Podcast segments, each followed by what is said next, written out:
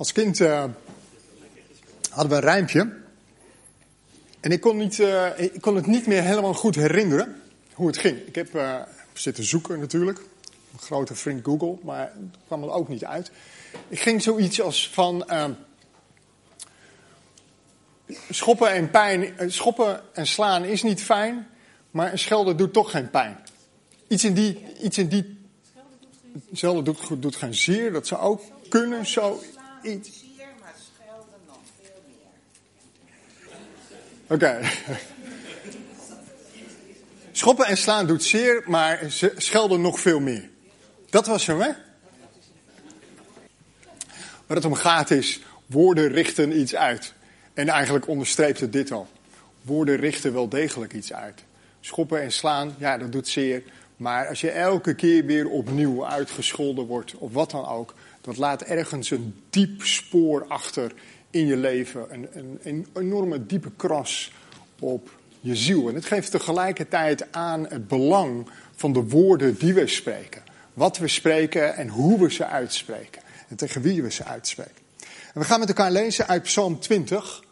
En Psalm 20 um, ehm, is nou, laten we het eerst maar gaan lezen met elkaar, voordat ik er iets over ga zeggen. Als het goed is, dan uh, yes, het is goed. Psalm 20. Voor de koorleider, een psalm van David. Mogen de Heer u antwoorden in dagen van nood en de naam van Jacobs God u beschermen. Mogen hij hulp zenden uit zijn heiligdom, uit Sion u bijstaan. Mogen hij al uw gaven gedenken uw brandoffers welwillend aanvaarden. Mogen Hij geven wat uw hart verlangt en al uw plannen doen slagen. Laat ons juichen om uw overwinning, het vaandel heffen in de naam van onze God. Mogen de Heer al uw wensen vervullen.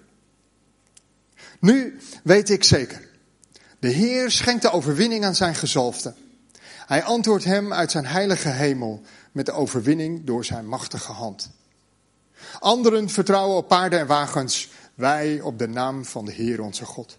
Anderen buigen en vallen ter aarde, wij richten ons op en houden stand. Heer, schenk de koning de overwinning. Antwoord ons wanneer wij u aanroepen.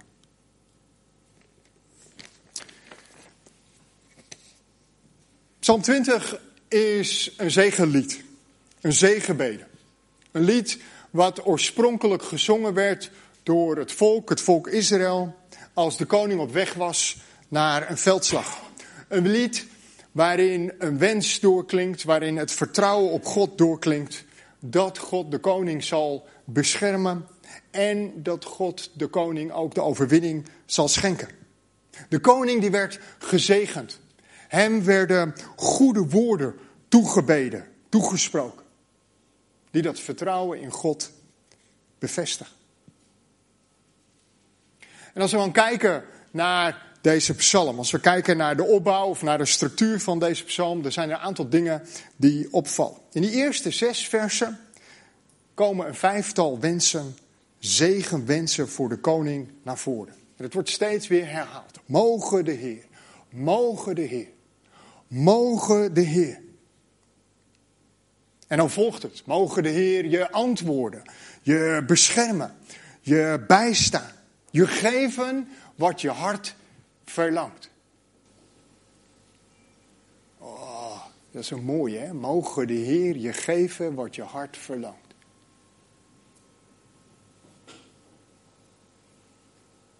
En dan zien we dat er een, een, een climax in zit, dat er een progressie in zit in wat het volk de koning toewenst, toebidt in vers 6. Mag God al je wensen vervullen. En dan in de versen 7, 8 en 9 neemt de koning het woord. let op, het ons in vers 6 verandert in het ik in vers 7 en het wij in de versen 8 en 9. En de koning, hij weet het zeker. Hij weet het zeker. Hij is bemoedigd. Hij gaat ervoor. God is met hem. Wat kan er nog gebeuren? Die overwinning, die zal gaan komen. En om te benadrukken dat het dan niet aan eigen kracht ligt, noemen ze dat nog even met elkaar. Het gaat niet om onze inzicht, om strategie, om onze sterkte en macht. Het gaat niet om machtsvertoon zoals paarden en wagens. Nee, het gaat erom dat ons vertrouwen is in God.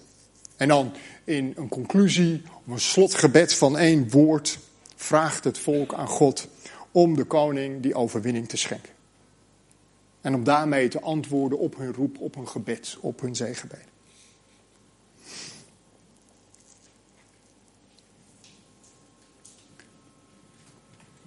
Even los van de vraag wat het met je doet als het toch niet zo gaat. Als de strijd toch verloren wordt. Wat dat met je doet en met jouw beeld van God en of God daar dan wel in is of niet in is. Dat is een andere preek. Dat is een preek over omgaan met teleurstelling. Over worstelen. Over misschien wel worstelen met God zelf. En de grote hoe dan en waarom dan vraag. Maar dat is een andere preek. In deze psalm gaat het over zegenen. En zegenen is mooi. Zegenen is goed. Deze psalm, zo'n zegenbede, het doet iets met je. De verbondenheid tussen het volk en de koning komt naar voren in deze psalm. Verbinding tussen het volk en de politieke macht.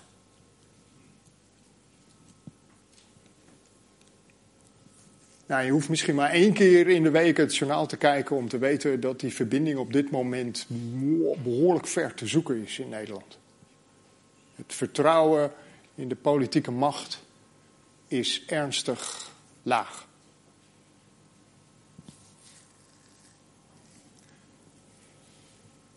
Zouden we misschien wat meer moeten bidden en moeten zegenen? Want door deze psalm, door en met het zegenen van de koning voor de strijd, spreekt het volk samen met de koning haar vertrouwen in God uit. Het vertrouwen in de ander en het vertrouwen in God. En dat vertrouwen bemoedigt je in de richting waar je naartoe gaat. Het bemoedigt je richting de toekomst, hoe onzeker die toekomst ook is. Het bemoedigt omdat er een zekerheid in doorklinkt, God is met je. Wat er ook gebeurt. Hoe het ook gebeurt. En we blijven bidden om antwoorden. En we blijven zegenen en uitspreken over overwinningen. Maar wat dan ook, God is erbij. Hij is met je. En, zei het net al even. Als schelden pijn doet. Als schelden nog veel meer zeer doet. Wat zou er dan kunnen gebeuren als we goede woorden uitspreken? Als we zegenbeders uitspreken? Als we bidden voor elkaars veiligheid en elkaar dat toewensen? Zou het kunnen zijn dat zegenen misschien iets van heling en van herstel kan uitwerken in het leven van die ander? Dat er verbinding tot stand gaat komen. En dat door die goede woorden heen Gods geest iets kan betekenen in het leven van de ander. Nu is het zo dat in sommige kerkelijke stromingen en tradities is dat zegenen voorbehouden aan iemand met een bepaalde rol of een bepaalde positie, een ambt wat je vervult. Weet je, in onze traditie, in onze beleving, in onze manier zoals wij de Bijbel lezen en uitleggen, is dat niet zo. Gelukkig niet. Iedereen kan en mag zegenen. Iedereen kan en mag goede woorden, Gods woorden uitspreken in het leven van iemand anders. En natuurlijk, natuurlijk zijn er bijzondere momenten waarop er gebeden en gezegend worden. We waren er getuigen van deze ochtend Bij het opdragen van een kindje, bij het opdragen van Noah in dit geval. Een speciaal moment waarop we zegenen en waarop we bidden. Of denk aan een huwelijk, waarbij man en vrouw elkaar het ja-woord, naar elkaar het ja-woord uitspreken en voor de rest van hun leven samen verder gaan. En op zo'n bijzonder moment wordt er gebeden en wordt er gezegend. Denk aan het aanvaarden van een bepaalde taak of een rol als zendelingen uitgezonden wordt. Dan worden gebeden en dan worden ze gezegend. Of bij het bevestigen van een nieuw raadslid.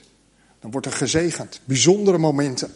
Waarbij iemand in het midden van de gemeente gezegend wordt en waarbij Gods woorden, goede woorden over haar of over hem worden uitgesproken. Maar zegenen mag ook iets van alle dag zijn.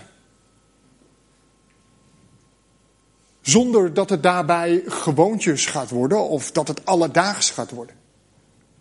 Als je kinderen of kleinkinderen naar bed brengt en je zegent ze. Of als je je kinderen uitzwaait als ze naar school lopen of fietsen en je zegent ze. In je huwelijk. Als je bidt voor je vrouw, voor je man en je zegent je partner. Je bidt hem of haar God zegen toe. Op school, als docent, op je werk, onder collega's of gewoon tijdens het boodschappen doen. Goede woorden uitspreken over iemand anders kan altijd en overal.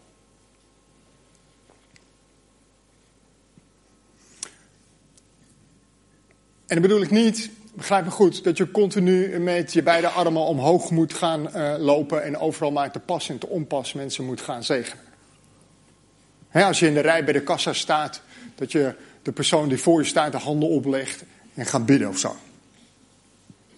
Ik bedoel dat je in je normale levensomstandigheden, in je normale omgang met mensen nadenkt over de woorden die je uitspreekt over hem of haar. Dat je nadenkt over de woorden die je zegt tegen diegene die tegenover je staat. Dat je nadenkt over wat je zegt en over hoe je dat zegt. Want zo vaak, zo vaak en zo snel volgt er een kritisch woord. Of afwijzen. Of veroordelen. Tegen elkaar. Of over elkaar. hoe zou het zijn als we goede woorden uitspreken? Tegen degene die tegenover je staat. Of over degene die er op dat moment niet bij is. Hoe mooi zou het zijn als we spreken over Gods bescherming. En over Gods hulp. Over dat plannen zullen slagen en overwinningen behaald zullen worden. Precies zoals het volk de koning toebidt in Psalm 20. we zien allemaal met elkaar dat de maatschappij waarin we nu leven, dat die verhardt. Er hoeft maar iets te gebeuren of we staan tegenover elkaar. Ik met mijn mening en jij met jouw mening. En de loopgraven die worden dieper gegraven en we gaan heen en weer gooien. Binnen no time volgen er acties en reacties en demonstraties of nog erger. En eerlijk, ik zeg het met schaamte. Ik zeg het vooral met pijn in mijn hart. In de kerk is het niet anders.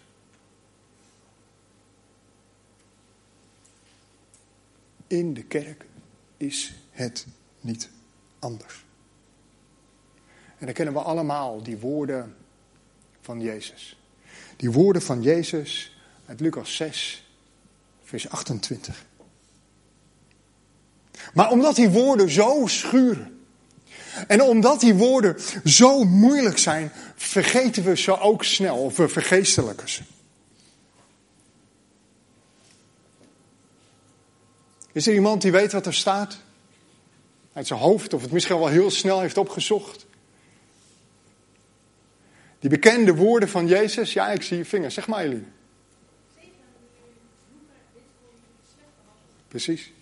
Zegen wie jullie vervloeken. Dat zijn die moeilijke, schurende woorden van Jezus. Zegen wie je vervloeken. En ja, dat is onmogelijk. Dat is onmogelijk. Om tegen je eigen pijn en teleurstelling in te gaan en om toch goede woorden over iemand uit te spreken, te zegenen. Nee, het is wel mogelijk. Het is wel mogelijk. Het is wel mogelijk, niet om, omdat ik van nature optimistisch ben. Nee, het is mogelijk omdat. Het is mogelijk omdat de geest van Jezus in jou woont. En dat is wat we geloven. Dat de geest van Jezus in jou woont. En ik geloof in een enorme, krachtige werking van de Heilige Geest in jouw leven. En dat Hij door jou heen, tegen al je gevoel in, toch goede woorden kan uitspreken. Over iemand anders. Hij maakt dat mogelijk.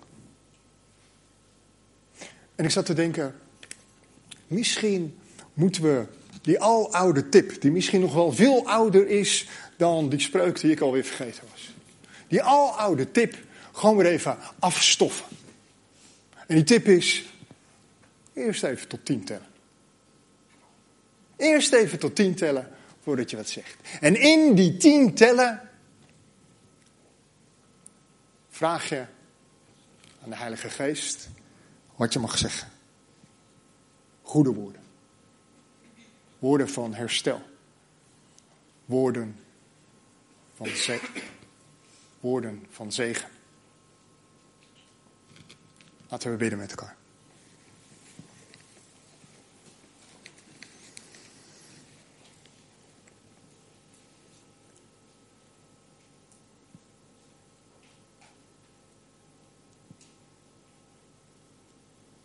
Liefdevolle Vader. Dit is zo makkelijk gezegd. En zo moeilijk om te doen.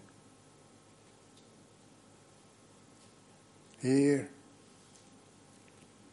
vergeef mij. Vergeef ons als we tekortschieten hier. En dat is misschien wel dagelijks.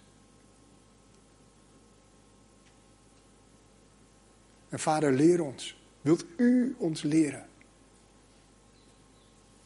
Om open te staan voor de woorden die uw geest ons ingeeft. Om open te staan voor de ander. In de breedste zin van het woord. En om na te denken welk woord van u we mogen uitspreken. Vader, vergeef ons als, als kerk, als we oordelen, als we mensen pijn hebben gedaan. Heer, als er scherven zijn. En dan bidden we. We bidden, Heer, om herstel. We bidden, Heer, om verbinding. In de eerste plaats met U zelf, Heer Jezus. Want er is niemand zoals U. En van daaruit, van dicht bij U uit, naar elkaar en naar de ander. Vader, zegen ons zo. In de machtige naam van Jezus bidden we dat. Amen.